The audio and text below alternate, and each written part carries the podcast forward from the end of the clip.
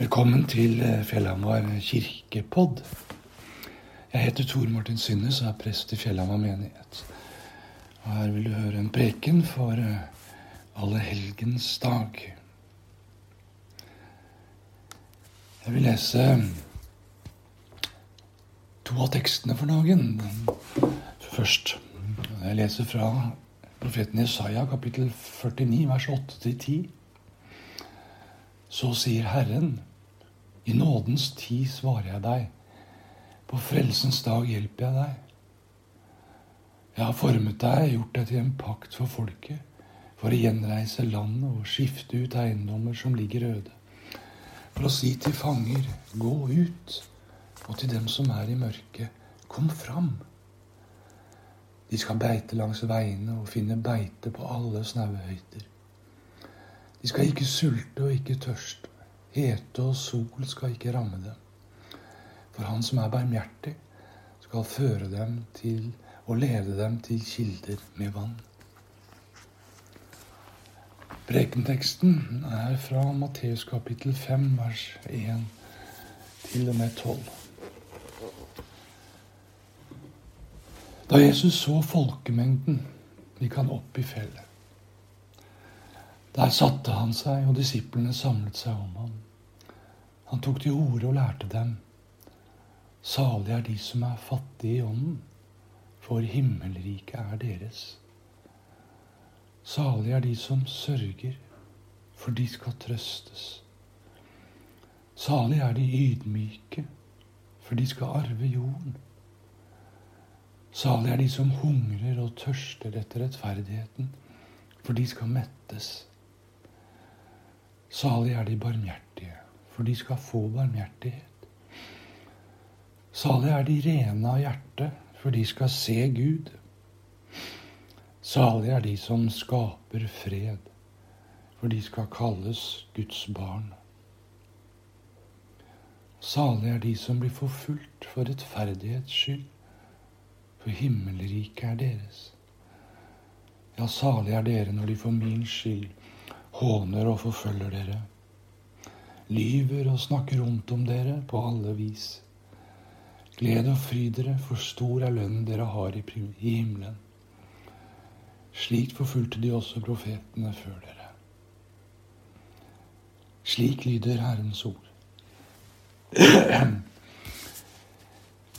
Gamle testamentet og store deler av Nytestamentet er skrevet i og rundt Israel og Palestina. Og da også i første omgang om til situasjonen og, de, de, og livet de levde der og da den gang. Og i Jesaja-teksten er intet unntak. Den ble skrevet til jødene da de satt i fangenskap i Babylon og lengtet etter å komme hjem til byene og hjemmene sine, som var lagt i ruiner. Det er tankevekkende å lese denne teksten med alt det grusomme som igjen skjer i Israel og Palestina. Hvor hus og hjem og alle bygninger, masse bygninger, legges i grus. Én ting er jo den enorme jobben det er å gjenreise boliger, skoler, sykehus og all infrastruktur som nå er knust og lagt i ruiner i Gaza. Det er mulig, det er det, med tid og penger. Men langt, langt verre er det jo å gjenreise trygghet og tillit mellom alle folkene som har sitt hjem der. Både jøder og palestinere. Å gjenreise fred kan synes helt håpløst. Jeg vil nøye meg med å dele videre ordene fra biskop emeritus, altså avgått biskop Muni Bjonan i Den evangelisk-lutherske kirke i Jordan og Det hellige land. Han sier, Vær så snill og hør på meg når jeg ber deg om å ikke være pro Palestina eller pro Israel. Jeg ber deg i stedet om å være for sannhet, for liv, for rettferd, for frihet, for fred og for forsoning. Og her kom og kommer ordene fra Jesaja godt med, med sitt trøst og håpsbudskap. Gud skal gjenreise landet. Og da for alle som har sine hjem der. Ikke kun et folkeslag på bekostning av andre. Nei, håpet og trøsten ligger i at det skal gjenreises en ny fred, hvor vi med Jesu ord og befaling skal elske våre fiender og velsigne og be for de som forfølger oss. Hvor fanger skal få gå ut i frihet og fred. Og de som gjemmer seg i mørket, skal komme fram i lyset, i trygghet og tillit. Det skal være beite for dyrene. Sult og tørst skal ikke true. Og de skal finne skyggefulle plasser for hvile og fellesskap.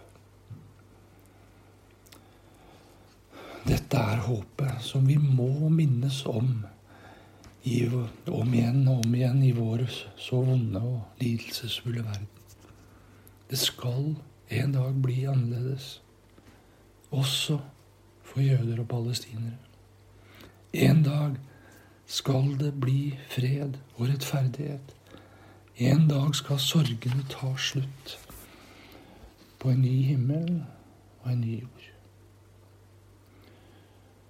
Når vi på Allehelgens dag er samlet i sorg over de vi har mistet og døden har tatt fra oss, så samles vi under det samme håpet om at en dag så skal sorgene, altså disse sorgene, ta slutt. En dag skal vi få se våre kjære igjen på en ny himmel og en ny jord. Saligprisningene er Jesu vakre og sterke ord. De er som en gratulasjon. Ja, en saligprisning er å prise noen lykkelige. Vi kunne oversette med 'lykkelig er de'. Vi kan samle de i to grupper, de som Jesus priser lykkelige. Den ene gruppen er de som mangler noe eller lengter etter forandring. De fattige, de sørgende, de som opplever urettferdighet, og de som blir forfulgt. Det er de som i vår verden ofte er de små og maktesløse, og som står der med tomme hender. Den andre gruppen som priser salig, er de som midt i denne mangelfulle og vanskelige verden lever ut sider og karaktertrekk ved Gud og er hans hender og føtter på jord etter fattig evne. De ydmyke, de barmhjertige, de rene av hjerte, de som skaper fred. På Allehelgens dag er vi mange som rommes av at Jesus priser salig og tilsier lykke til dem som sørger. Er det å sørge noen lykkelig tilstand? Det er jo ikke det. Å sørge er vondt. Vi mangler noen vi er glad i. Og Grunnen til at Jesus priser de som sørger lykkelig, er ikke at Jesus mener at sorg er noe positivt og noe vi skal strebe etter eller feire og glede oss over. Nei, det er fordi at de som sørger, de har et løfte om at de skal trøstes en dag. Men som kjenner på tap og savn og sorg i livet, aller mest over de som døden har tatt fra oss, men også kan sørge over tap av helse, livsutfoldelse, arbeidsløshet og med det også økonomisk utrygghet og vanskeligheter. De som sørger i livet, strever og kjemper med livet, de har et løfte fra Gud om at de skal få trøst. En dag skal det endres og ta slutt. Salige er de som kan få leve med det håpet og den trøsten, sier Jesus. Sorg og savn og lidelse er denne verden altfor full av. Salig er vi som i Jesu navn kan få ta til oss håp om at trøsten skal komme. I Lørenskog kirke har jeg stått med en spade i hånden mange ganger. Og foran meg en liten kasse med jord. Og med en kiste foran. Nei. Og så har jeg sagt ordene. Av jord er du kommet. Til jord skal du bli. Av jorden skal du igjen oppstå. Her knyttes livene våre tett til jorda. Dette er jordnært og nedpå. Det er håndfast og konkret. Men det er også med en himmel over det hele. Av jord er du kommet. Vi har alle, du og jeg, og de som vi i dag savner og sørger over, en konkret historie på denne jorda. Vi, vi lever og har levd livet vårt på et sted hvor vi kan si 'hvor er'? Hvor det skjedde. Våre føtter har gått rundt på veier og stier, så vi kan oppsøke og gå på ny. Våre hender har tatt på ting og bygget og formet en arv som våre etterfølgere kan ta på og få bygge videre på. Vi har levd dagene våre sammen med de vi står nær og vi er glad i.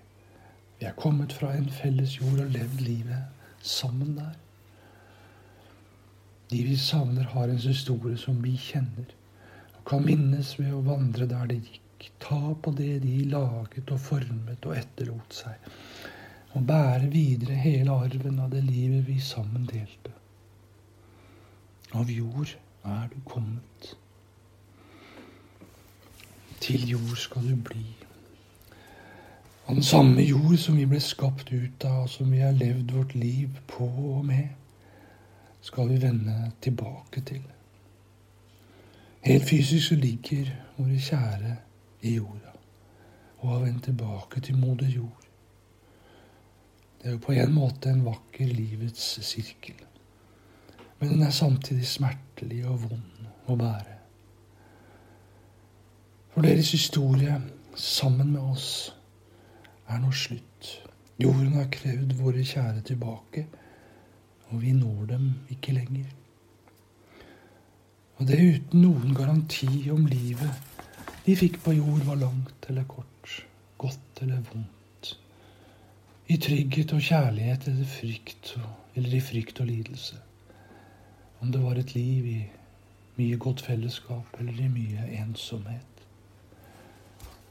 Livet er ikke rettferdig, og døden rammer tidvis blindt uten hensyn til hva livet på jord har gitt, og livet og hvordan livet som er blitt levd, var.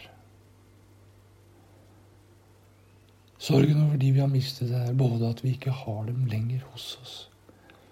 Men det kan like så mye være at sorgen kan være fylt og drevet av alt det livet ikke ble. Av alt det som vi skulle ønske hadde vært annerledes. Ja, altså alt vi skulle ønske vi hadde greid å gjort annerledes. Men det er for seint. Når døden er kommet, du og jorden har krevd våre kjære. Og en dag kommer jo vår tur. Til jord skal du bli. Men her i kirka så lyder en tredje setning.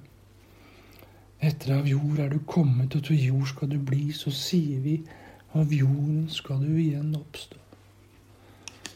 Mye kan sies om det. Men bunnlinja er at det slutter ikke under seks fot med jord. Det er noe mer. Gud er der etter døden og henter oss hjem. Det gir håp om at vi skal få ses igjen. Men det gir også hjelp til å leve i fred med livet slik det ble. Takke for alt det gode som vi fikk oppleve. Og også få legge det som vi ikke evnet bedre, bak oss og over i Guds nådige hender. Og å akseptere det vi ikke rådde med, som sykdom og ulykker som kom vår vei. For alt forandres med håpet om at oppstandelsen kommer.